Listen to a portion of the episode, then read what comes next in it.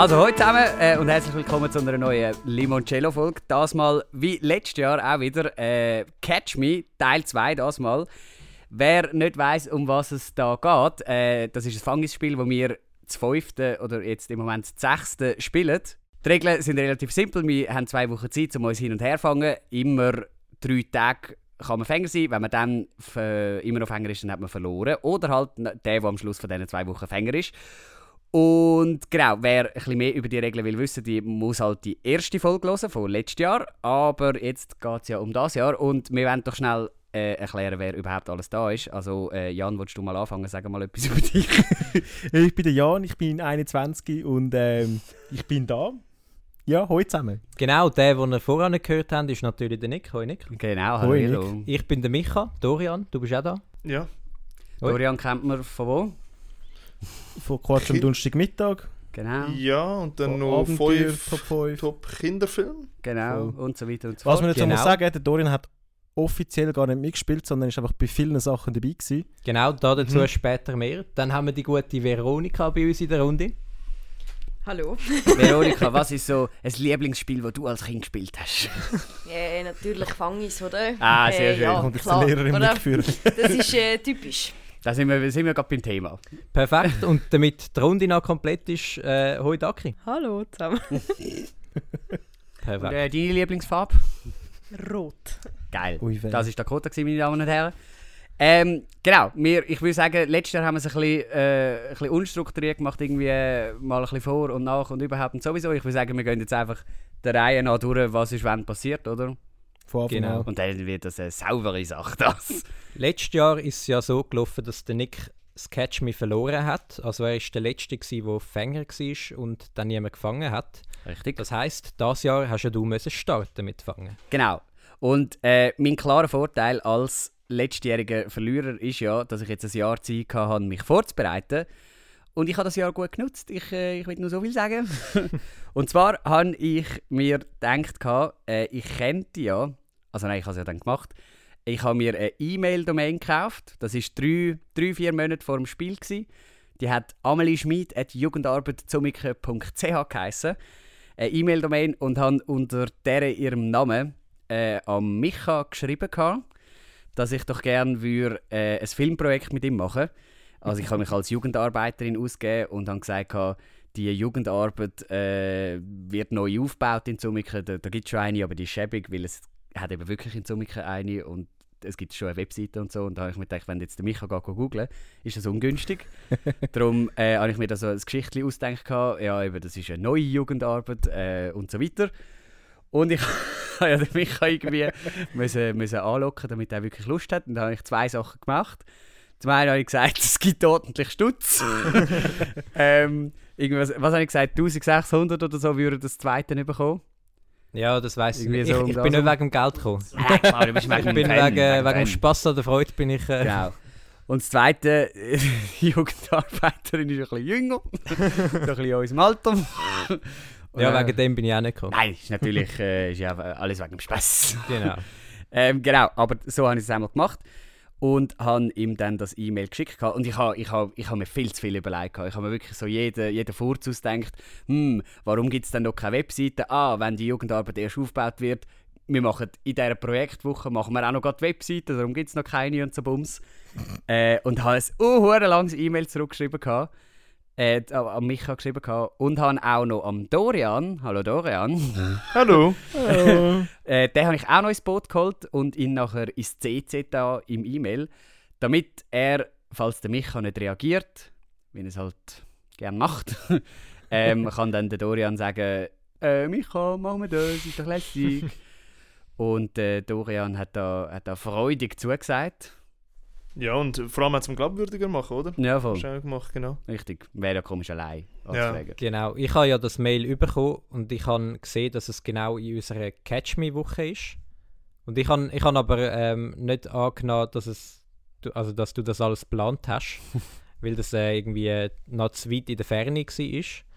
Ähm, es, du hast schon gesagt, dass Gabriela ähm, das sozusagen den Auftrag weitergegeben hat an mich. Mhm. Ähm, das ist ja auch so eine, die Filmkurs macht. Und dann habe ich angenommen, dass sie dir wahrscheinlich meinen Standort wird geben und du mich dann wahrscheinlich fangen wirst. Aber ich habe nicht genug weit gedacht, also dass du alles komplett vorbereitest. Aber So du hast schon ich- beim ersten E-Mail gewusst, dass ich da wahrscheinlich etwas damit zu tun habe.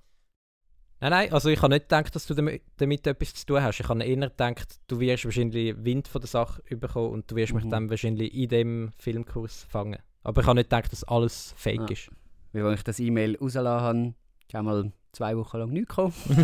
Schon? Habe ich Ja. nicht darauf geantwortet? Nein, da habe ich am Ah, Dorian okay, ja, gesagt, doch. hey, äh, Du mach hast- mal den Micha Ich lustig. glaube, du hast, du hast eine Frist geschickt. Ja. Irgendwie zwei Wochen. Und ich habe dann einfach äh, genüsslich gewartet, bis die Frist Ja. Aber abläuft. du, du hast dann zuerst mich darauf angesprochen. Ich oder? habe den Dorian zuerst darauf angesprochen. Ja, Das heisst, ich Ah, ist das so? Ja. ich glaube, ja.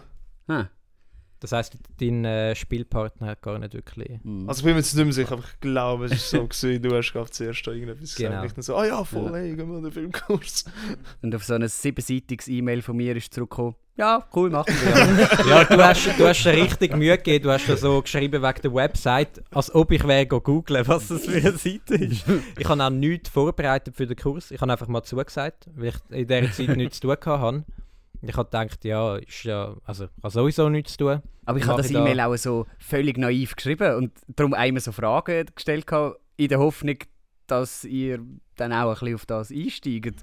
Dann irgendwie so gesagt, ja, äh, ich habe einen Laptop, braucht ihr noch etwas? Ich habe noch keine Fotokamera. Habt ihr vielleicht eine Videokamera? Sonst müssen wir schauen und so. Eben, es hat so naiv getönt. Ja. Ich habe gedacht, wenn man ein bisschen so tut, als würden wir da rauskommen, dann klappt das schon. Ja, und wir sind äh, eher auf dieser Schiene, gewesen, weil wir einfach gewesen sind. Also, Genau. das ist einfach, Ja, wirklich. Also ich habe am Abend, ganz- äh, am Abend davor haben äh, Dorian und ich noch telefoniert. Also nein, wir haben, wir haben früher haben wir schon mal telefoniert Ja. und dort hast du ein bisschen den Lead übernommen.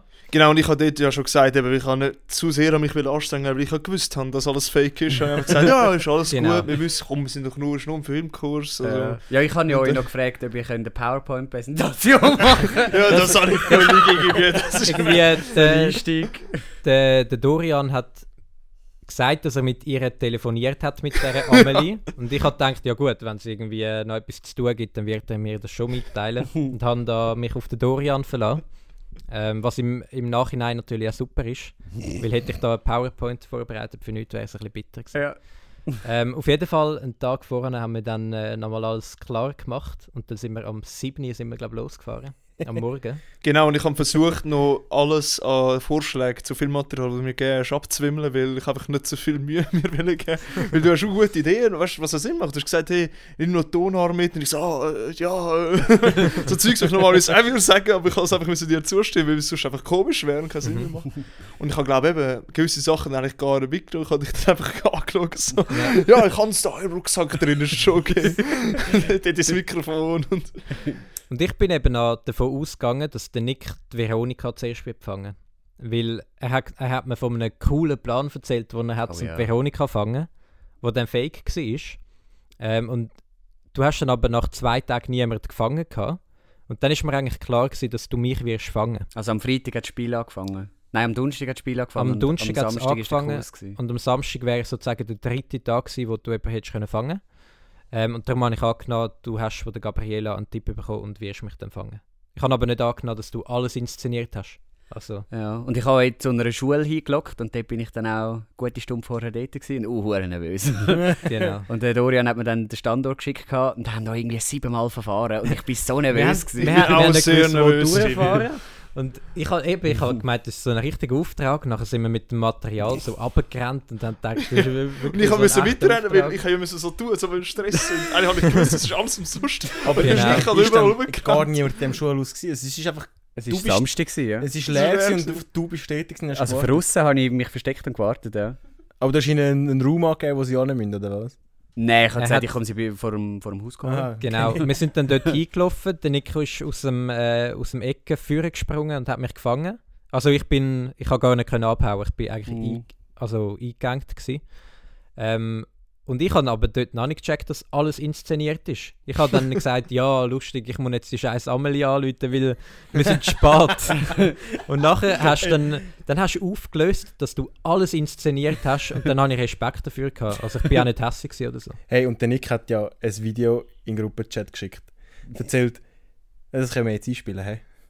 Meine Lieben, äh, wir befinden uns da gerade vor einem Schulhaus. Da hat jetzt dann der Micha gerade einen Filmkurs, den er gibt für äh, Jugendarbeit hier in Zumiken. Und äh, ja, da gehe ich jetzt dann fangen. Aber warte mal, wieso weiß ich denn das alles? ich glaube doch nicht. Ich glaube doch nicht wirklich. Ich hätte extra eine E-Mail-Domain gekauft. Äh, amelieschmidt.jugendarbeitzumica.ch Nein. Ich glaube doch nicht. Ich schreibe mit dem Micha seit zweieinhalb Monaten hin und her und habe ihn angefragt für einen Filmkurs. Nein. Und ich glaube doch nicht, ich habe extra noch Dorian ins Boot geholt, damit es ein bisschen glaubhafter ist. Nein.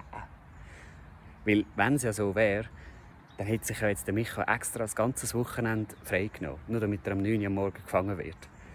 Wenn es wirklich so wäre, dann hätte ja jetzt der Micha die 1400 Stutz würde er gar nicht bekommen. An Lohn. Wäre ja mega schade, oder?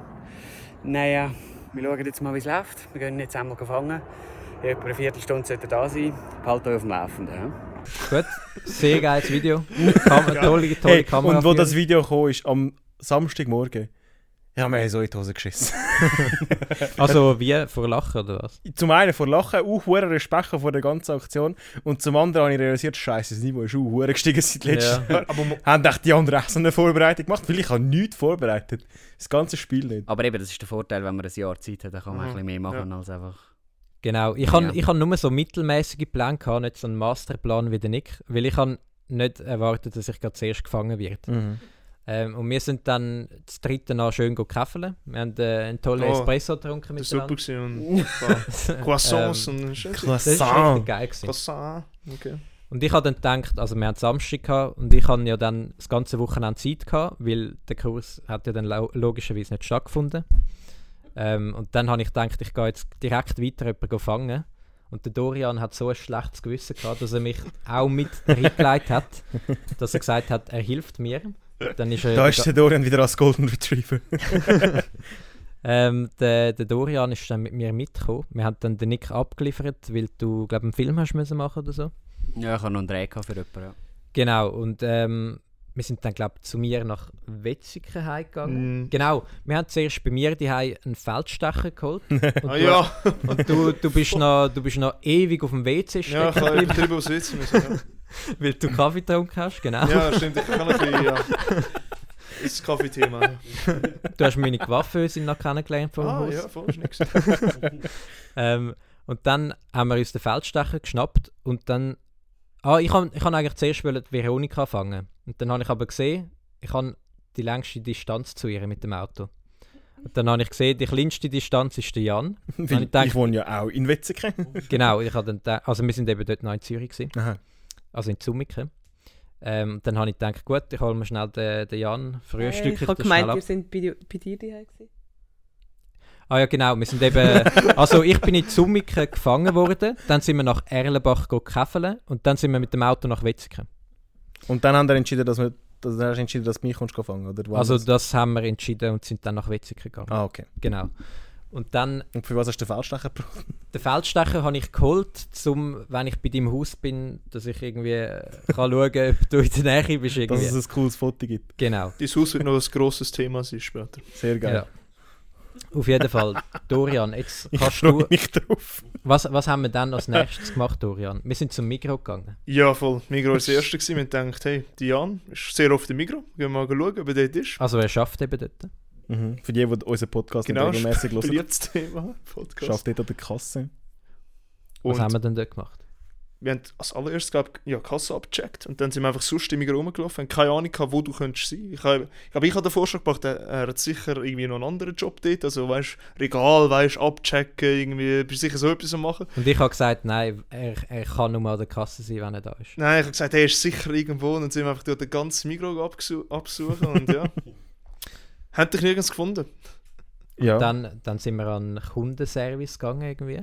Ah ja, voll. Genau, wir sind dann so richtig bedrohlich dort eingelaufen. Nein, wir, wir haben uns so einen, einen richtigen Film ausgemalt, dass wir so in so, äh, so Lederschüle dort hinlaufen, wie so Drogenbaron. ähm, und dann hat sie so... Aber so ein Grund gehabt, warum wir auf das gekommen sind. Wir haben irgendwie, genau, wir haben äh, der, der Kundenservice-Frau gesagt, ähm, ist der Jan Reinhardt da? haben Genau, ja. gesagt. Und sie hat einfach, hat sie gesagt, sie darf das nicht sagen. Irgend so etwas hat sie gesagt. sie, sie hat gesagt, sie der? Ich weiß nicht. Ich, Aber das ist halt der Grund, dass ich nicht bin drauf gekommen, dass wir so... Ich habe mir gedacht, wir sind die äh, Killer-Cousins aus Breaking Bad. Wir, haben einfach Genau. gedacht, wir sind einfach dort angekommen. Schafft der Jan Reinhardt da? Welche Zeit ist er da? Ist er irgendwie ein paar Tage da? So richtig, Und sie hat gesagt, richtig schlimme Frage. sie, sie hat uns gesagt, sie darf es nicht verraten, aber sie macht irgendwie eine Ausnahme. Und ja, hat und dann, sie, sie hat so richtig so verteidigend, also so, so leise gesagt, so, ja, ich glaube, ich darf das nicht sagen. So. genau, ich habe mich, ich hab mich wie in einem Film gefühlt. ich hab mich wie so ein Polizist in Zivil gefühlt. So, So, ich dachte, wir sind Mörder. So, Ja. also, Also in dem, in dem Mikro habe ich niemand informiert wegen dem Spiel. Einfach, die, die sind nicht informiert, dass sie nichts dürfen sagen Ja, aber das sind ja Internas, die die da ausplaudert hat. uns. Sie hat dann so einen Ordner für genommen und Mhm. sie hat dich dann aber nicht auf dem Plan gefunden. ja. Echt nicht? Nein. Geh, Ich bin zuhinterst. Und äh, ist dann, dann sind wir weitergegangen. Oder haben wir Aber wir haben das eine andere Sache vor, wenn man denkt, wenn der Jan da ist, weißt, wenn, wenn wir ihn auf einmal sehen, weißt du, auf einmal zwischen den Regal, er wird sicher so alle die Essen und Sachen von uns schießen. ja, genau. Das, ich, das ist letztes Jahr schon das Thema, gewesen, wo ich das Gefühl hatte in dem Mikro, dass ich den nicht gesehen habe. Ich habe gedacht, ich nehme mir jetzt zwei Sachen in die Finger, wo ich dann ihm könnte entgegenschiessen könnte. Es hat eben wirklich- alles es gegen hat uns eine- schiessen. Es hat eben einen gehabt, der rumgelaufen ist, auch in kurzen Hosen und mit so einem, mit so einem lockeren Pulli. Ich dachte, das ist sicher der Nick. Äh, hat auch eine rote Kappe gehabt. Und dann habe ich mich bewaffnet und dann ist es am Schluss nicht gewesen. Ja, auf jeden Fall, wir haben uns da die heftigsten Szenen überlegt. Genau, wenn wir haben auch gedacht, wenn wir aus dem Mikro laufen, dass er nachher hinter uns explodiert. So. aber wir sind dann, weil wir den Jan nicht im Mikro gefunden haben, sind wir dann zu ihm heimgefahren und sind dort äh, um dein Haus herum. Also zuerst sind wir mega weit entfernt und haben mit dem Feldstecher umeinander Und vor allem am Anfang sind wir richtig nervös, weil die Garage ist offen war. Und ich habe so gesagt, hey Michael, wenn du nicht seht, musst du einfach reinrennen, Genau. wenn du siehst. Und das ist halt das Ticket ins Haus, weißt du, wenn du die Garage irgendwie rein kannst. Nur das- durch die Garage kommen wir nicht ins Haus. Kann man nicht, scheiße. Nope. Aber ich jeden- denke, du kommst rein. Auf Ich jeden habe gesagt, Fall. Michael, bist, bin, bist ready, wenn er drin ist. Wir haben mit dem Feldstecher haben wir dann Jan seine Eltern gesehen, die haben dann das Haus verlassen, die Garage runtergelassen und sind go spazieren. Mhm. Zuerst Und, haben wir äh, reingeschaut die ganze Zeit, wir haben manchmal niemand, wir nie, nie lang niemand drin gesehen. Dann Ja. ab und zu ist mal jemand rausgekommen, also richtig, was, wir reden da wirklich von mehreren Stunden. Also Echt? der, der ja, oh, lang, ist, es ist einfach nicht so viel passiert, aber es sind verdammt lang da. es ist so lang gewesen. Und dann irgendwann ist deine ganze Familie draußen gewesen und du einfach nicht. Und das ist so viel. Dann sind alle, aber das war später, gewesen, wo alle dann gegangen sind und, Mit dem und, Auto. und, es, Ja. und einen Äh, äh, Zopf Zeitraum, mitgenommen Wie haben. viele Stunden sind wir dort? Gewesen? Etwa. Wir sind Zwei Stunden oder fünf Stunden? Also, wir sind u lang da gewesen, nachher sind wir weg, nachher nochmal gegen gegen den Abend. Ja, aber da dazu kommen wir später. Ja, ja. Okay. Wir, Das sind, der Zopfding kommt erst später. wir sind etwa am, sagen wir so, am 11 Uhr bis irgendwie am 1 oder so. Okay. Oder, und dann haben wir irgendwie gedacht, der Jan hat ja Zefi einmal. Und das fängt an am... Oh mein D dann sind wir irgendwie zum Zefi gegangen. Oder wie ist das gewesen? das haben da alles gedacht, das ist Sie so haben da viel. alles gedacht. Das ist so viel. Wir- wir sind dann gehabt? Wir sind auf die Cefi-Seite gegangen und haben gesehen, ähm, wenn deine Gruppe einmal anfängt. Aber dein Cefi hat irgendwie drei verschiedene Treffpunkte. Und die sind Ja. alle so irgendwie 50 Genau, das hat Meter alles viel komplizierter gemacht. Und dann haben wir, haben wir also diverse Cefi-Leute, also so Kinder gefragt, irgendwie, wo du dann wärst, wenn du Echt? Cefi würdest gehen.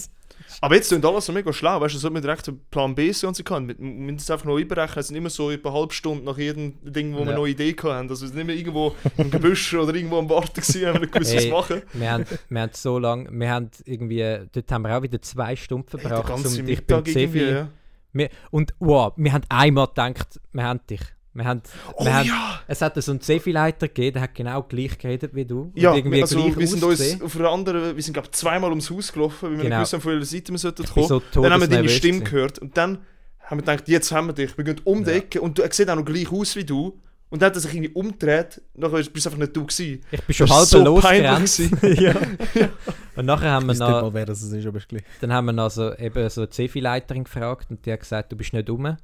Und Mhm. dann haben wir gedacht, ja, die lügen einfach, du, du bist irgendwie versteckt und so. Die Und Kinder haben wir auch Dort hat, gefragt. nachher, dort hat mir nachher ein Kollege angerufen am Samstagnachmittag. Ähm, einer, der mit mir in der Gruppe ist und gesagt, es sind gerade zwei Dudes da gewesen, die nach dir gefragt haben. Die sind wahrscheinlich von deinem Fangis. Also Leiter oder Ein? Leiter. Und nachdem wir sie sind gefragt, hat er mir angerufen, weil wir haben mit denen anscheinend dort ein Programm gehabt, zusammen. Und der hat mir nachher angerufen und hat gesagt, «Hä, es sind gerade zwei Typen da gewesen, die nach dir gefragt haben. So, gut, dann habe ich jetzt wie Zeit. Aber Auf Aber jeden Fall. wo wir dort äh, versagt haben in dieser Zevi-Aktion. Dort ist ein grosses Motivationsstück dort, äh, runtergegangen. dort äh, sind wir richtig so Ja. schlecht drauf. Ey, gewesen. ich wirklich, denk- wir haben wirklich gedacht, das schaffen wir jetzt. Also, wir, wir sind so, so sicher gewesen, dass du irgendwo dort bist. Es ist so extrem gewesen. wir sind dann in McDonald's gegangen. Dort bin ich nicht gewesen. und wir sind, dann, dann, haben wir schon, dann haben wir schon irgendwie halbe vier gehabt. Ja.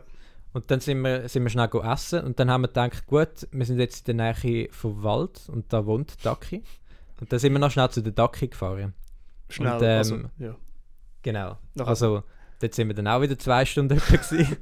ähm, Dakota, die hat uns leider die Tür nicht aufgemacht. Und auch die Schwester war nicht daheim gewesen und das Auto war auch nicht rum. Gewesen. Und ähm, dann haben wir, ihr habt so irgendwie so eine Couch draussen. Wie nennt man das?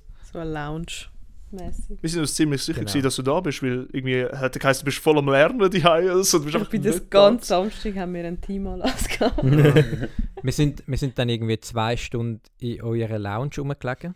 Die ist mega haarig. Meine Hosen sind nachher komplett voller Haare. Gewesen. Ich bin auch auf dem Sofa gesessen, aber komischerweise bei mir nicht. Also, das keine. Und ich habe noch eure Zeitung äh, bekritzelt, und, äh, um euch ein bisschen Angst zu machen, weißt ja, die habe ich später dann gefunden im Briefkasten. du? bist gar nervös geworden, als du gesehen hast. Nein, ich habe es erst im Nachhinein. Ähm, auf jeden Fall, du bist nicht auftaucht. Sehr schade. Und dann sind wir wieder zurück zum Jan. Weil wir haben gedacht, der Jan der hat uns einfach irgendwie geschickt austrickst, aber wenn er von der Cefi wieder heimkommt, dann fangen wir ihn. Das Migros war auch nochmal ein Thema, gewesen, dass wir nochmal in Migros gehen. Aber, wir sind Aber das haben wir dann nicht. Ja, voll. Und dann, äh, zum schnell äh, noch ab, abschliessen, dann sind wir nochmal zum Jan gegangen und haben dort auch wieder ewig gewartet, irgendwie äh, nochmal eine Stunde mindestens oder so. Und der ist Ich nicht glaube mehr auftaucht. sogar, ich glaube, dort haben wir wirklich. Das ist ja langsam Abend geworden. Wir so, hey, wollen wir jetzt noch oder nicht? Also, das sind wir wirklich uhr lang am Schluss. Genau, gewesen. wir haben eigentlich den ganzen Tag verschwendet Ja. und der Jan ist nicht auftaucht. Und dann sind wir heimgegangen, oder? Ja, nachdem sind wir. Genau. Das war der Samstag. Gewesen. Am Sonntag bin ich bei einer Familienfeier und äh, habe niemand. Warte, ich Äh, etwas noch zu mir wenden. ja. Komischerweise, ich wissen, was mit dem Zopf ist. Irgendwie die ganze Familie ist aus dem Haus gelaufen. Mit einem Zopf nachher sind sie weggefahren. ja, stimmt. sie haben so einen Zopf auf einem Stimmt. zweiten Dreit so, als ob das Ah, das Geschenk ist. wahrscheinlich sind sie irgendwo auf. Ich könnte es genau nachschauen, was es war. Aber irgendwie, wahrscheinlich sind sie auf Besuch und haben irgendeinen Zopf als Geschenk mitgebracht. Cool. Danke für die Espen. Nein, meine Schwester macht damals Zopf und dann ist das damals so ein Geschenk, das wir mitbringen. Sehr geil. Das ist Ja, das haben wir gesehen. Veronika aus dem Hintergrund übrigens, ohne Mikrofon. Auf jeden Fall am Sonntag bin ich dann bei einer Familienfeier und habe von dort aus euch dann so ein bisschen Fotos geschickt, um euch ein bisschen paranoid zu machen. Bin Mhm. euch aber gar nicht empfangen gewesen. Ja, auch das mit deinen Hosen, die haarig sind. Genau, ich habe alles einen Tag verspätet euch geschickt Dort habe ich sozusagen. richtig Paranoia bekommen. Hey, ich habe das Foto, du hast ein Foto geschickt, wo du mit dem Feldstecher im Wald gesessen bist. Ich habe sofort erkannt, dass das bei uns oben ist. Ja. Den Weg habe ich irgendwie erkannt. Und ich, hast du es am Sonntag geschickt, oder? Ja. Und ich habe es dann sofort meinem Vater weitergeleitet und gesagt, das ist bei uns oben, gell? Mhm. Hat gesagt, ja, voll sieht so aus. Er hat irgend- hat irgendeinen dummen Wortwitz gemacht, wie, wie mein Vater halt kennt. äh, und dann gesagt, kannst du schnell schauen, ob der dort ist? und dann ist er geschaut und es ist einfach niemand da. Ja, so dumm wäre ich nicht, dass ich ein Foto schicke und noch live dort bin. Also. Ja, ich aber han- sicher ist sicher. Ich habe euch auch noch ein Foto geschickt, wie mein Bruder ein Huhn auflupft und so. Da richtig zum euch noch richtig verwirren. äh, und dann am Abend sind wir heimgefahren von dieser Familienfeier. Und ich bin mit meiner Mutter heimgefahren. Und dann haben wir uns überlegt, wir gehen noch schnell beim Jan vorbei. Und dann ist meine Mutter bei dir. Ich Mhm. habe mich irgendwie hinter eurem Wohnwagen versteckt. Der ist nämlich vor eurem Haus geparkt. Ah, Äh, und dann hat deine Schwester aufgemacht und ja, hat meine Schwester. und hat meiner Mutter erzählt, du bist weg. Und Ja. dann ist nachher noch deine Mutter gekommen, Zum Glück sich, ist meine Mutter gekommen. weil sich deine Schwester fast angefangen hat zu plappern. Mhm. Und dann hat sie auch gesagt, irgendwie, du bist weg. Mhm. Und dann sind wir wieder heim. Genau. Fertig. Soll ich jetzt da dazu schon schnell Ja. erzählen, was da los ist? Hoffentlich. Ja. Das Ding ist eben, ich bin das Semester bin ich gar nicht daheim, weil ich studiere das Semester in Freiburg. Ich habe das irgendwann mal im Frühling oder in der Sportferien um habe ich das sicher dir und also mich und dem Nick erzählt. Und irgendwann habe ich gemerkt, hm, also wo es angefangen hat konkret zu werden mit ähm, Wohnunterkunft suchen und mit Fächer anmelden, habe ich gemerkt, ups, das ist ja dann während der Fangeszeit. Also betone ich das einfach nicht mehr spezifisch, dass ich gar nicht da bin an der PH. Und wenn der Nick PH anspricht, ja, wir könnten mal während der PH etwas essen und so. Und dann einfach, du hast ja dann gesagt, den Jan habe ich noch nie gesehen an der PA. Ja, ich habe mir eigentlich einiges ausgemalt, was wir noch könnten machen an der PA. Auf jeden Fall ähm, bin ich gar nicht an der PA gewesen und darum auch nicht daheim. Und ich habe mir die Zeit, wo das Fangespiel war, extra so eingeplant, dass ich dann das Wochenende jeweils in Fribourg bleibe. Und das ist dann habe ich so gewesen, wenn ein Bild irgendwo, wo, zum Beispiel, wo mir der Kollege angerufen hat von der CFI, habe ich gewusst, okay, ähm, von Wetzikon auf Fribourg hat man mit dem Auto etwa zwei Stunden. Das heißt, wenn der Micha jetzt irgendwie herausgefunden hat, dass ich zu Fribourg bin, habe ich jetzt zwei Stunden zu, Zeit, um in der Stadt einen Kaffee zu trinken. Also bin ich in der Stadt einen Kaffee zu trinken. Das ist so Und paranoid. ich, ich schwöre, ich habe mir jedes Mal in die Hose gemacht, wenn irgendetwas gekommen ist. Ich habe um jede Ecke herumgeschaut, ob irgendwo jemand steht. Ich habe mir Szenarien ausgemalt, dass im Vorlesungssaal schon jemand vorher dort rein sitzt. Das wäre so, wenn jemand im Vorlesungssaal gewesen wäre und sitzt während der Vorlesung aufsteht und mich kommt fangen. Ich habe mir bei jeder, ich habe mir je, jedem Saal überlegt, wo kann ich am schnellsten aus dem hohen Vorlesungssaal rausrennen. Ich habe Schiss gehabt, Dozenten sind mit euch unter der Decke. Äh, ja, du hast ja, aber man kann Paranoia ein bisschen verstehen, weil ich habe dich letztes Jahr ja... Im Cefi-Lager Ich habe dich ja im Cefi-Lager im französischen Bern gefangen. Das ist auch mega weit weg. Und ich habe gemeint, wenn ich meinen Eltern sage, entweder, wenn jemand kommt fragen, sagen die einfach irgendeinen Schwachsinn, dass ich irgendwo in den Bergen bin, oder dass ich irgendwie halt, keine Ahnung, im Ausland, oder dass ich irgendwo in einer Schule bin, etwas am Vorbereiten. Und meine Mutter natürlich, der Jan ist im Welschland. Ja, irgendwie genau. schon ziemlich am Anfang vom Spiel, Sie hat, sie hat meiner Mutter die Wahrheit gesagt, aber aus weil sie nicht gewusst hat, dass es deine Mutter Sie hat vermutet, dass es deine Mutter Ja, ist. meine Mutter hat sich eben als Arbeitskollegin von dir ausgegeben. Ja, das habe ich gedacht. Und äh, wir Ein haben bisschen alte Arbeitskollegen, nicht? ja im Migros arbeiten Migros sind Leute. teilweise ah, Migros, Säcke. ich habe gedacht, so von der PA, weißt du? Nein, nein, nein, nein, nein, nein. Ähm, aber äh, eben, wir haben sowieso gedacht, deine Mutter hat in der Vergangenheit schon viel gelogen und äh, man weiß ja nicht, wie viel man ihr kann glauben. Meine, meine Mutter ist vor allem regelmäßig in dem Migros, die kennt die Leute. Ja. Also wir haben schon gedacht, dass sie Verdacht schöpft. Mhm. Auf jeden Fall, dann ist Montag geworden, der dritte Tag. Ich kann Mhm. unbedingt jemanden müssen fangen, sonst hätte ich das Spiel verloren. Es wäre lustig gewesen, wenn es schon fertig gewesen Ja, das wäre bitter gewesen vor allem. Ich arbeite ja in Luzern und ihr sind alle in Zürich. Das heisst, äh, ich hätte dann extra am Abend müssen nach Zürich fahren. Ich habe aber das Glück gehabt, dass ich am Morgen einen Arzttermin hatte in Zürich. Das heisst, ich noch, also ich vorher noch schön können schnell äh, in die Kita von der Dacki vorbeifahren. Habe die gute Dame schnell geschnappt und bin, äh, bin dann bald wieder nach Luzern zurück. Also, da kann man vielleicht auch genauer darauf eingehen. Ich habe zuerst, also es gibt eben so zwei Kitas und ich habe nicht gewusst, welche. Und dann bin ich irgendwie 20 Minuten im Regen umeinander geirrt und habe dich nicht gefunden. Ähm, und dann äh, habe ich dich dann irgendwann gefunden. Im Kreis mit den Kindern am Singen oder was hast du genau gemacht? Ja, ich bin am ja, im Kreis gsi am Singen. Und das Lustige ist ja, am Samstag, wo wir Teamanlass hatten, habe ich wirklich allen dort von dem Spiel erzählt. Außer halt eine Mitarbeiterin ist dort nicht dabei. Und genau die hat natürlich am Micha die Tür müssen aufmachen. Hey, ich habe aber der so nicht getraut. Ich habe gefragt, wo du bist. Und dann hat sie gesagt, dann hat sie eben so gestockt und nicht, nicht direkt weitergeredet. Und dann habe ich gedacht, oh, die ist eingeweiht. Und dann hat sie gesagt, ja, ja, da hinten im Büro. So mega unsicher. Und dann habe ich, und dann habe ich gedacht, die steckt mit dir unter einer Decke. Und dann habe ich gesagt, sind Sie sicher, dass da Daki dort im Büro ist? Dann hat sie gesagt, ja, ja. Und ich habe so geschaut, schreibt sie echt heimlich den Daki? Muss ich in die andere Richtung rennen? Ich habe überlegt, ob ich einfach noch in die andere Richtung soll rennen Aber sie hat mich dann... Hat einfach in die andere Ja, stell dir vor. Das wäre so bitter gewesen. Und sie hat mich dann aber zum Glück in einen richtigen Raum geschickt. Mhm. Und dann bin ich irgendwie in so einen Raum reingekommen. Und dort bist du im Kreis mit so kleinen Kindern gesessen. Ja, und zuerst bist du ja im Büro vorbeigekommen und dort hat es eine Mitarbeiterin gehabt, die gewusst hat und sie hat schon gedacht, ah, du bist jemand, der mich jetzt fangen aber sie hat irgendwie nicht mich gerufen oder so. Und ich habe dann noch versucht wegzurennen. Du hast versucht, weg, wegzurennen und ich bin in den Socken gewesen, und die sind so nass gewesen, weil, weil es so geregnet hat und alles ist nass und grusig gewesen. Auf jeden Fall, Duck ist mir weggerannt und ich bin so richtig verzweifelt gewesen und habe gesagt, Ducky, bitte lass mich dich fangen. Und ich habe sie dann aber zum Glück noch gefangen, Ja, wo sie schon draußen war. das hat mich recht angeschissen. Was haben eigentlich die kleinen Kinder gesagt? Sie haben mich gefragt, so, warum bist du jetzt weggerannt? dann, habe ich ihnen so müssen erklären, dass wir Fangen spielen. Nachher haben sie es mega lustig gefunden, dass wir Erwachsene Fangis spielen miteinander. Und ja, auf jeden Fall bin ich recht enttäuscht gewesen, dass Mhm. du mich Und auch ein bisschen müssen? traurig, glaube Ja. oder? Es hat mich wirklich angeschissen, weil in dieser Woche habe ich so viel anderes zu tun gehabt. Mit Sitzungen am Abend und keine Ahnung was. Und ich habe einfach so eigentlich keine Zeit gehabt, während dem Tag irgendjemanden fangen zu gehen. Ähm, und habe auch kein, mir auch im Vorhinein keine Gedanken gemacht, wie oder was ich ähm, euch könnte fangen Auf jeden Fall ist dann Montag ja. Am Montag hatte ich wirklich gar keine Zeit, eben weil ich am Abend eine Sitzung hatte.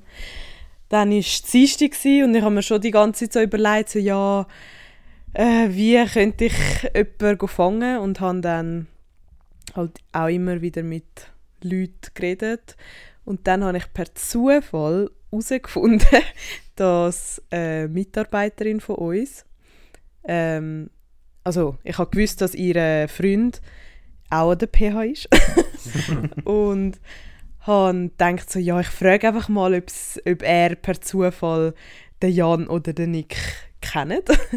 ähm, und sie hat dann gesagt, so, ja, sie fragt ihn mal. Nachher hat er gesagt, ja, welcher Jan, wie heißt er zum Nachnamen? Nachher ähm, habe ich halt gesagt, ja, Jan Reinhardt. Nachher hat hat er gesagt, ja, logisch, den kenne ich. ich, ich arbeite bei, bei seinem Vater in der Schule und ich bin mit ihm eine Woche im Lager. Gewesen. Wirklich, ich zwei Wochen vorher. Oder drei Wochen vorher. Und dann habe ich wirklich so eine Hoffnung gehabt, dass ich herausfinde, wo der Jan ist, weil ich habe logischerweise mit dem Nick, äh, mit dem Micha auch darüber geredet. Und er hat halt so seine Story schon erzählt, wie er den Jan hat versucht zu fangen. Und habe einfach gedacht, ja, es ist wie letztes Jahr. Und schon letztes Jahr hat es mich so aufgeregt, dass er weg war und dann gedacht, oh, es wäre so gut, würde ich ihn können fangen, egal wo er ist. Und bin wirklich auf einem guten Weg gewesen, weil ich dann ihr gesagt, sie muss ihm sagen, ähm, er muss irgendwie herausfinden, mit dem Vater von Jan reden, äh, um herauszufinden, wo er ist. Und dann hat sie, hat sie ihm das gesagt und er, hat, er ist glaube ich immer am Dienstag und am Donnerstag jeweils dort in der Schule und ist dann hat es dann am Dienstag genau verpasst zu sehen. Nachher so, ja okay, dann spätestens am Donnerstag muss er irgendwie herausfinden, wo, wo er ist. Und in dieser Zeit habe ich mir logischerweise auch noch andere Gedanken gemacht und habe dann gedacht, ja, ich könnte eigentlich zum Nick ihn fangen. ähm, aber es müsste irgendwie am Abend sein und habe dann halt den Dülü, also am Nick seinen Mitbewohner, gefragt, ähm, wann er so die ist. Er hat natürlich gar nichts gewusst. Er hat gesagt, er hat den Nick seit etwa zwei Monaten nicht mehr gesehen. das ist so schlecht. Und dass ihr euch mega aneinander vorbeilebt. ja, auf jeden Fall habe ich gesagt, ja, aber wenn ich würde kommen, ob er mich würde reinlassen Nachher hat er gesagt, ja nein, er sei auf keiner Seite von niemandem. ich müsste selber schauen, wie ich dann würde reinkommen Und ja, es hat mich schon recht angeschissen, weil eben ich viel zu tun hatte. Ich hätte am Abend irgendwann müssen oder mega früh am Morgen, weil ich etwa eine Stunde zum Nick kann. So wie auch zu der Veronika habe ich etwa eine Stunde. Und eigentlich nur der Jan und der... Nein, bei Micha ist eh gar nicht in Frage gekommen, weil er irgendwie ähm, sonst noch neu wohnt. Und habe dann am Dienstag ähm, einfach so ein bisschen recherchiert und habe dann herausgefunden, wo die Veronika schafft und bin dann in der Zwischen, also nach meiner Arbeitszeit ähm, und meiner Sitzung, habe ich kurz irgendwie eineinhalb Stunden Zeit gehabt, um dort hinzufahren. Nachher bin ich dort, dort gewesen und irgendwie habe ich dann geschaut, ob die Tür offen ist. Und sie wäre offen gewesen, aber ich habe niemanden gesehen. Und ich habe mich so komisch gefühlt, dass ich nicht einfach kann rein, reinlaufen kann. Und nachher ähm, habe ich meiner Mami, also mit meiner Schwester eigentlich gesagt, dass sie ähm, meine Mami sollte sagen, sie soll dort anrufen und fragen, ob die Veronika am Arbeiten sei. Und nachher hat sie das gemacht. Mit so einem französischen Akzent hat sie angerufen und hat dann gefragt, ob sie rum sei. Und er hat gesagt, nein, heute nicht, erst morgen dann wieder. Ähm, was im Nachhinein anscheinend gar nicht gestimmt hat. Ähm, ja, und dann, wie ist es weitergegangen, bin ich wieder ähm, arbeiten. Und nachher ist ja schon, also das war am Mittwoch gewesen. Und dann ist ja schon Donnerstag und ich habe glaube bis am Donnerstag irgendwie am 9 Uhr oder so hätte ich glaube Zeit gehabt, um jemanden zu fangen. Ähm, in der Zwischenzeit habe ich eben herausgefunden, dass der Freund von der Mitarbeiterin eben eigentlich herausgefunden hat, wo der Jan ist. sie hat aber ihrem Freund versprochen, dass sie es mir, dass, ja, dass sie es mir nicht sagt. Ich glaube, da hat auch der Jan ein bisschen etwas Da habe damit ich zu tun. meine Finger im Spiel gehabt. Weil anscheinend hat der Vater von Jan sich halt ver, verpl verplappert. Nein, nicht verplappert. Er hat den Auftrag gehabt, dass wenn irgendjemandem sagt, wo wo ich bin, dass er mir das muss sagen. Wenn irgendetwas ist, muss das zu mir weiterkommen. Ja, aber er hat, wäre nie darauf gekommen, wenn der Freund von ihr nicht gesagt hat, ja, ich frage nur, weil wegen dem äh, Catch Me Spiel und darum hat er sie dann erzählt. Warum er das ihm gesagt hat, weiß ich auch nicht. Ist halt ein guter Mann.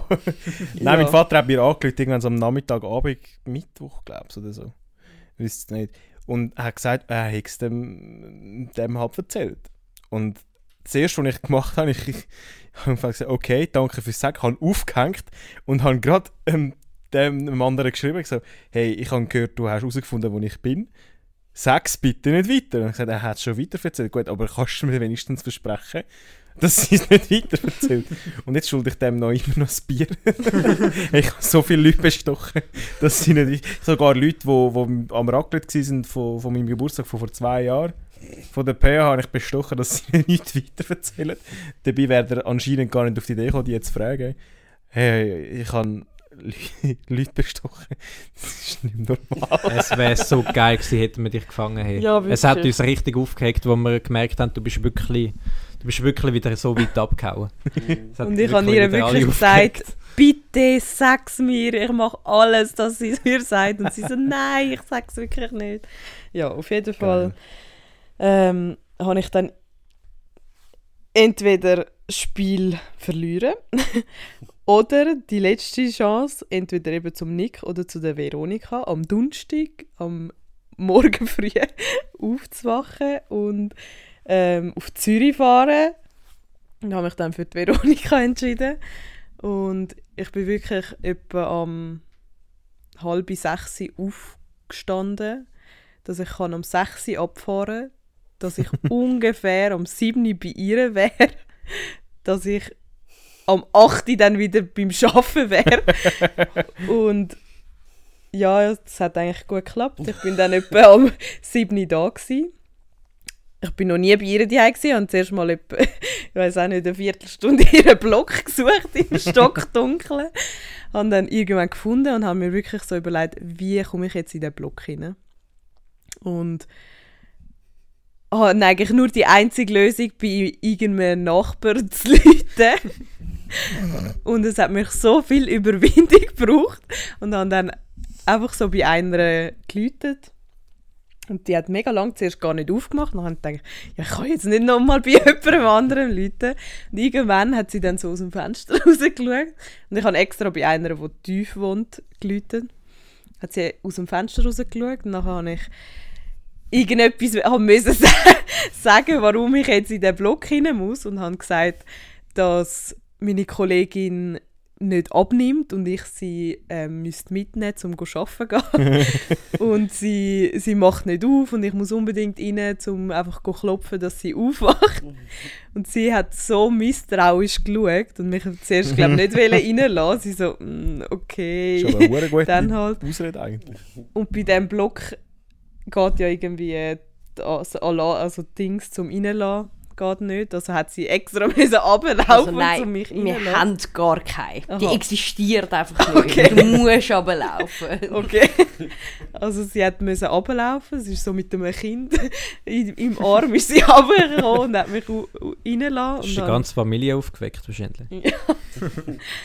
Und nachher habe ich mich bedankt und bin aufgegangen und habe dann gedacht, ja, ich, ich weiß nicht, ob ich jetzt klopfen oder nicht. Dann habe ich geklopft, hat niemand aufgemacht. Dann habe ich geläutet und habe aber wie so die- das Guckloch zugegeben, falls die Veronika wieder aufmachen weil sie würde mich logischerweise nicht reinlassen.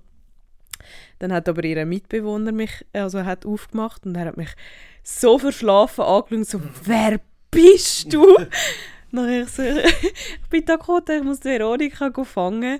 Und er hat mich zum Glück reingelassen. und nachher ich so «Ja, ist sie noch am Schlafen?» Nachher so «Ja!» Nachher bin ich in ihr Zimmer und habe sie gefangen und sie ist aufgewacht. ja. Das ist wahrscheinlich der schlimmste Weg zum Aufwachen. Es war nicht so angenehm, gewesen, nein. Was, was hast du Süßes geträumt? Ich weiß es nicht. Ich habe einfach geschlafen, ehrlich gesagt. hast du plötzlich irgendwie von der Ducky geträumt und dann hast du die Augen aufgemacht und sie ist vor dir gestanden, oder? ja, klar. Klar, ich träume jede Nacht von der Dackel. Ich meine, wie kannst du das nicht? äh, ja. Ich muss jetzt erzählen, hä? ich habe eigentlich nicht so viel zu erzählen. Ich bin nicht so invested in das Game, muss ich ganz ehrlich zugeben. Ähm, Ducky hat mich gefangen und ich hatte an diesem Tag frei. Gehabt. Ich habe am vorherigen Tag geschafft, aber nicht im Geschäft. Okay. bin sonst wo, also ich kann äh, beim, ich habe so geblockt bei so einem Filmset. Ähm, und dann, ich habe eigentlich frei gehabt und ich hätte noch hure viele Rechnungen und äh, einfach richtig viel Scheiß müssen machen. Und es hat mich so angeschissen. und ich habe den grossen Fehler gemacht und dann gedacht, ich nehme mir den Tag jetzt einfach. ich mache das dann am nächsten Tag. Und dann irgendwie habe ich dann meiner Kollegin geschrieben, die an der PH ist, ob sie jemanden von, von euch zwei kennt, also entweder Jan oder der Nick. Ähm, aber sie hat, sie hat euch nicht gekannt. Ist auch die Halbwelt an der PA irgendwie. Ja, okay, aber wir haben halt ähm, Pädagogik gehabt in der Halbklasse. Also Ja, wir sind ja Theater, Musik und Pädagogik gewesen. Das heisst, ja, unsere Halbklasse ist an der PH. ähm, und sie hat gesagt, sie kennt euch nicht, aber sie hat, ich habe sie so ein bisschen versucht, raus, so ihr rauszubringen, was, was jetzt so ein bisschen der Stundenplan ist, ob es da irgendetwas gibt, an das ich mich irgendwie könnte hängen. Hat sie gesagt, nein. Dann hat äh, eine Kollegin von mir hat den Nick gesehen in der Stadt. Oh ja, oh ja, Ja. Scheiße, du. Aber das war an meinem freien Tag. Gewesen. Das heisst, es ist richtig in die Hose gegangen. Ähm, Da bin ich auch richtig paranoid geworden. Ja. Wir sind irgendwie mit unserer, mit einer Klasse äh, in, im Religionsunterricht sind wir umeinander gelatscht in Zürich. Und dann plötzlich sitzt doch deine Kollegin einfach dort irgendwo am Rand und sagt, ah, hoi Nick. und ich bin mit, dieser hohen Klasse am Rumlatschen, gewesen, ich konnte nicht können weggehen. Und nachher die, die nächste halbe Stunde, ich, ich hatte so Schiss, gehabt. ich, ich können schwören, dass du jetzt irgendwo auftauchst. Und bin Ja. immer so in der Masse verschwunden. immer versucht so, so, dass man mich nicht sieht, unter den Leuten verschwinden, aber auch. ja, ich habe ich hab ihr nachher irgendwann mal geschrieben, gehabt, aber einfach, ich habe ihr recht spät geschrieben. Gehabt. Sie soll doch mal noch schnell schauen, ob du noch rum bist und so. Und dann hat sie dich nicht mehr gesehen und mich einfach gesehen, ja, soll ich jetzt in die Stadt gehen und zwei Stunden einfach völlig vergeuden, um einfach dort ein bisschen rumlatschen? Oder mache ich meinen Scheiß? ähm, und dann bin ich noch bei der Zefi schauen, weil Daki hat mir erzählt, wo sie mich gefangen hat, eben, dass der Micha ist schauen wegen der Zefi. Dann haben wir aber so oder so an diesem Tag irgendwie gar nichts gehabt. Also hat gar kein Treffen gehabt oder so. Und dann habe ich am M- Michel geschrieben, also am Tüdi. Und er hat mir gesagt, du sagst nicht rum am Tag drauf. Ähm, Also am Samstag. ich weiß nicht, ich habe keine Ahnung, wie die Tage sind, aber ich vermute mal Samstag, weil ich weiß, wir haben dort noch telefoniert gehabt. und, du sagst, und ich habe ja für dich eine Pause ausgesprochen gehabt, zu dem Zeitpunkt kurz. Ähm, und du hast gesagt, du gehst ins Kino und so, und dann habe ich ihn eben gefragt, ob du am nächsten Tag rum bist. Ähm, weil, ja, kann ich, ich weiß auch nicht wieso, aber und dann habe ich meine Mom noch gefragt, ob sie echt ähm, mich könnte fahren, weil ich zu dem Zeitpunkt halt noch kein Auto hatte. Also, ich habe einfach keine Möglichkeit gehabt, um von irgendjemandem das Auto auszulehnen. ähm, sie hat dann aber keine Zeit gehabt und dann habe ich am Abend habe ich irgendwie Geburtstagsfest gehabt, zwei, wo ich gegangen bin und dann am nächsten Tag bin ich einfach ähm, mit Kater und krank und Menzschmerzen einfach im Bett liegen geblieben und habe dann gefragt, ob ich länger darf. Und dann ist mir das verweigert worden.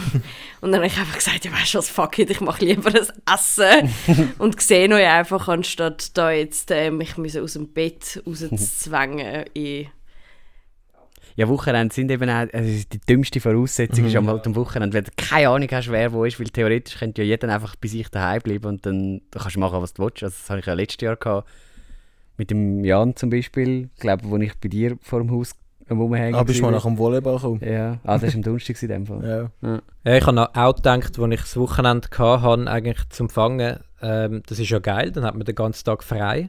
Aber nachher habe ich gemerkt, ey, man hat so keine Ahnung. Mhm. So unter der Woche kann man die. Leute immer irgendwie vor dem Job abfangen oder irgendwie Zug Oder oder so. Aber eben am Wochenende, du kannst theoretisch einfach 24 Stunden in der Wohnung bleiben oder irgendwie Mhm. bist du auf einem Geburtstagsfest, da hast du keine Ahnung. Also ich finde es einfach auch, du hast am Wochenende hast du einfach mega viel vor. Mhm. Also ich habe am Wochenende halt wirklich, ich habe nicht mal den Morgen oder den Abend frei. Ich bin meistens irgendwie halt so den ganzen Tag unterwegs. In der Woche hast du eben, hast, du- hast am Abend, kannst, kannst zu irgendjemandem noch heimgehen, den gehen fangen. Aber am Wochenende bist du einfach irgendwie so ein bisschen besser zu, als irgendjemand nachzurennen, wo ich wahrscheinlich gar nicht gesehen, wo, wo ich keine Ahnung habe, ob der jetzt die ist oder nicht. Und unter der Ja. Woche hat man aber irgendwie trotzdem auch keine Zeit. Irgendwie, man Nein, hat nie Zeit. Irgendwie, man, man freut sich immer, wenn das Spiel anfängt Mhm. und sobald man Fänger ist, denkt man, oh, hey, ich habe keine Zeit. so. Okay, ich habe auch während dem Spiel keinen Bock gehabt. Ich muss sagen, dieses Jahr bin ich sehr, sehr unmotiviert gewesen. Was man vielleicht noch zu Paranoia kann sagen. Also ich meine, auch Also der Nick hat da, kann da ja ein Lied singen von Ich bin total Paranoia. paranoid gewesen. Ei, ei, ei. Hey, ich bin paranoid dieses Jahr. Letztes Jahr schon ein bisschen, aber dieses Jahr ist, bin ich bin völlig abgegangen. Ich, äh, jeden Morgen, als ich aus dem Haus rausgegangen bin, bin ich verkleidet aus dem Haus raus. Und ich, äh, ich, ja, ich habe so, ich sage jetzt nicht was für eine Verkleidung, vielleicht mache ich es nächstes Jahr nochmal. ähm, und bin dann auf mein Velo. Also am ersten Tag bin ich, bin ich auf mein Velo und dann habe ich so gedacht, wenn ich jetzt mit dem Velo so richtig schnell rausfräse, dann kann mich ja niemand mehr fangen, äh, der vor dem Haus am Warten ist. da ja. äh, die Veronika hat letztes Jahr auch gemeint, sie kommt mit dem Velo davon. Richtig, richtig. Jan ist sehr schnell. Und dann bin ich dort rausgefräst, dann ist mir Kette irgendwie und bin ich umgekehrt. Das wäre so der epischste Moment gewesen, um dich zu fangen. ja, wirklich, ja. Und dann habe ich das Velo, habe ich das Velo auf die Seite gerührt und bin davon gesäckelt. und, am nächsten, äh, und dann am Abend bin ich es halt wieder geholt. Und, und, und einen Tag später ähm, habe ich gedacht, jetzt äh, auch wieder verkleidet, ich renne so schnell aus dem Haus, wie ich kann. Dann bin ich rausgesäckelt und auf halbem Weg habe ich gemerkt, ah, Maske vergessen. dann bin ich einfach wieder zurück. das war so erbärmlich. gewesen. Und du hast sogar ein Stunt-Double gehabt. Ja. Genau, das ist dann auch noch gekommen. Ähm, eines schönen Tages bin ich, bin ich heimgekommen ähm, und ich habe abgemacht gehabt, zum Squash spielen mit einem Kollegen und ähm, habe aber zuerst meine Sachen müssen daheim holen äh, und dann bin ich bei uns im Stegenhaus und habe von oben dran irgendetwas gehört gehabt. So irgendein, irgendein Geflüstere und irgendein Ablaufen und ich hätte können schwören, dass das jetzt Dakota ist, weil sie dort Fängerin war und mein Mitbewohner eben erwähnt hat, ja, es gibt, äh, du hast, äh, du hast äh, bei ihm halt erwähnt, du würdest noch gerne vielleicht einmal vorbeikommen. und dann habe ich gedacht, oh nein, und jetzt ist die noch da. Und dann bin ich natürlich wieder davon, vom Haus weg und habe ihm angerufen und gefragt, ja, ob er einfach Sportsachen für mich hat, die ich auslehnen kann. Hat er aber nicht gehabt, also ich habe in das Haus rein müssen. Und nachher ist er extra äh, zu mir gefahren und dann haben wir Kleider getäuscht. und er hat dann halt so meine roten kurzen Hosen angehabt und meinen Pulli und, ist in das Steckenhaus hineingegangen. Und der Plan wäre dann eigentlich gewesen, er läuft in dem Steckenhaus umeinander, Dakota rennt ihm nach, dann geht er aus dem Haus raus. Und dann gehe ich ins Haus rein und schließe das Haus ab, hol schnell meine Sachen und gehe irgendwie dann auch wieder raus. und du sollst halt dann immer am falschen ansäckeln, bis ich meine Sachen habe. Das war der Plan, das war ein super Plan. Und dann bist du einfach nicht rum. Gewesen. Das ist schon fast Alles schade um, eigentlich. alles umsonst. Das war so ein guter Plan. Gewesen. Und ich, ich, also bis heute Abend bin ich mir immer noch sicher, gewesen, dass du das gewesen bist dort. Aber ja, in dem Fall nicht. Nein, ich war es definitiv nicht. gewesen. Aber du musst erzählen, nachher bist noch, noch mehr Paranoia gewesen, weil du bist, hast nicht mal die geschlafen. ja, nein, das ist, das ist ein, ein guter Schachzug von mir. Gewesen. Äh, ich habe ich hab nachher eine Sprachnachricht gemacht. Also nach, nach dem Squash-Spiel habe ich eine Sprachnachricht gemacht. Äh, und so gesagt, ja, Daki, ich habe gecheckt, dass du da bist, haha. und übernachte jetzt sogar noch beim Kollegen, damit Aha, du heimgehst. Nein, nein, ich bin was? nachher, ich bin nachher heimgegangen. Aber ich habe gedacht, wenn ich sage, ich schlafe bei meinem Kollegen und ich weiß, dass du da bist, dann gehst du heim. aber nein, das habe ich nicht gemacht. Okay. Aber ja, Ja. es war sehr lustig, deine Sprache. Mehr, weil ich eben, wie gesagt, nie bei dir war. Ich habe ja im Vorfeld vom Spiel, wo ich gewusst habe, ich bin zu Freiburg und niemand weiß, dass ich in dem Huren Freiburg hocke, ich bin mir so sicher gewesen, dass nichts, dass ich die zwei Wochen locker überstehe. Aber kaum ist das Video, das, das, das Video gekommen, das der Nick am Samstagmorgen geschickt hat, ich dachte, Scheiße, das wünscht mich sicher auch. ich hab, wo die Veronika nachher Fängerin war, ähm, bin ich nach, ähm, ich glaube, es war am Mittwoch irgendwie, gewesen, keine Ahnung. Und es ist irgendwie Volleyball gewesen am Abend nach der Vorlesung noch, so vom Unisport. Und ich bin dann äh, dort an der Bushaltestelle gewesen und dann ist der Bus gekommen.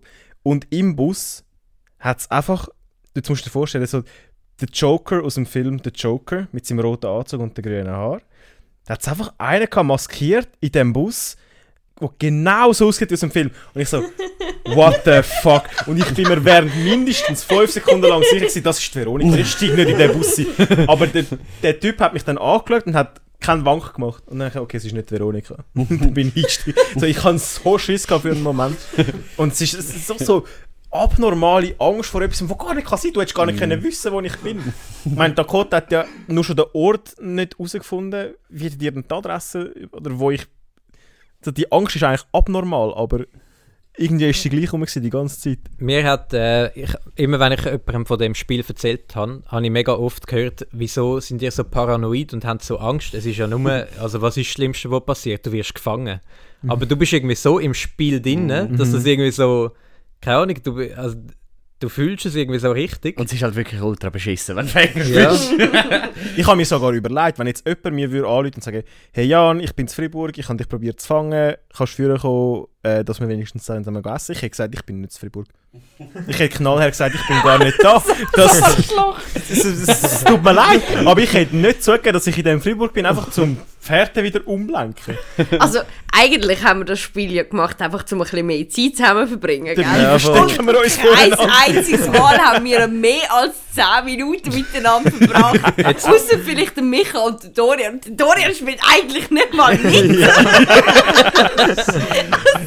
voll. Und wir, wir verraten uns so die grössten äh, Sachen wie irgendwie, ich ziehe ein halbes Jahr nach Freiburg. ich habe permanent ich habe ich hab euch so lange verschwiegen, dass ich ausgezogen bin von die und da eingezogen bin. Ich habe einfach niemandem etwas. Ich habe mega lange, habe ich mich einfach immer wieder einladen zu irgendetwas und ich war einfach so, nein, ich kann es Ihnen Nein. jetzt nicht sagen, ich kann es nicht machen. Nein, ich kann mich nicht verraten.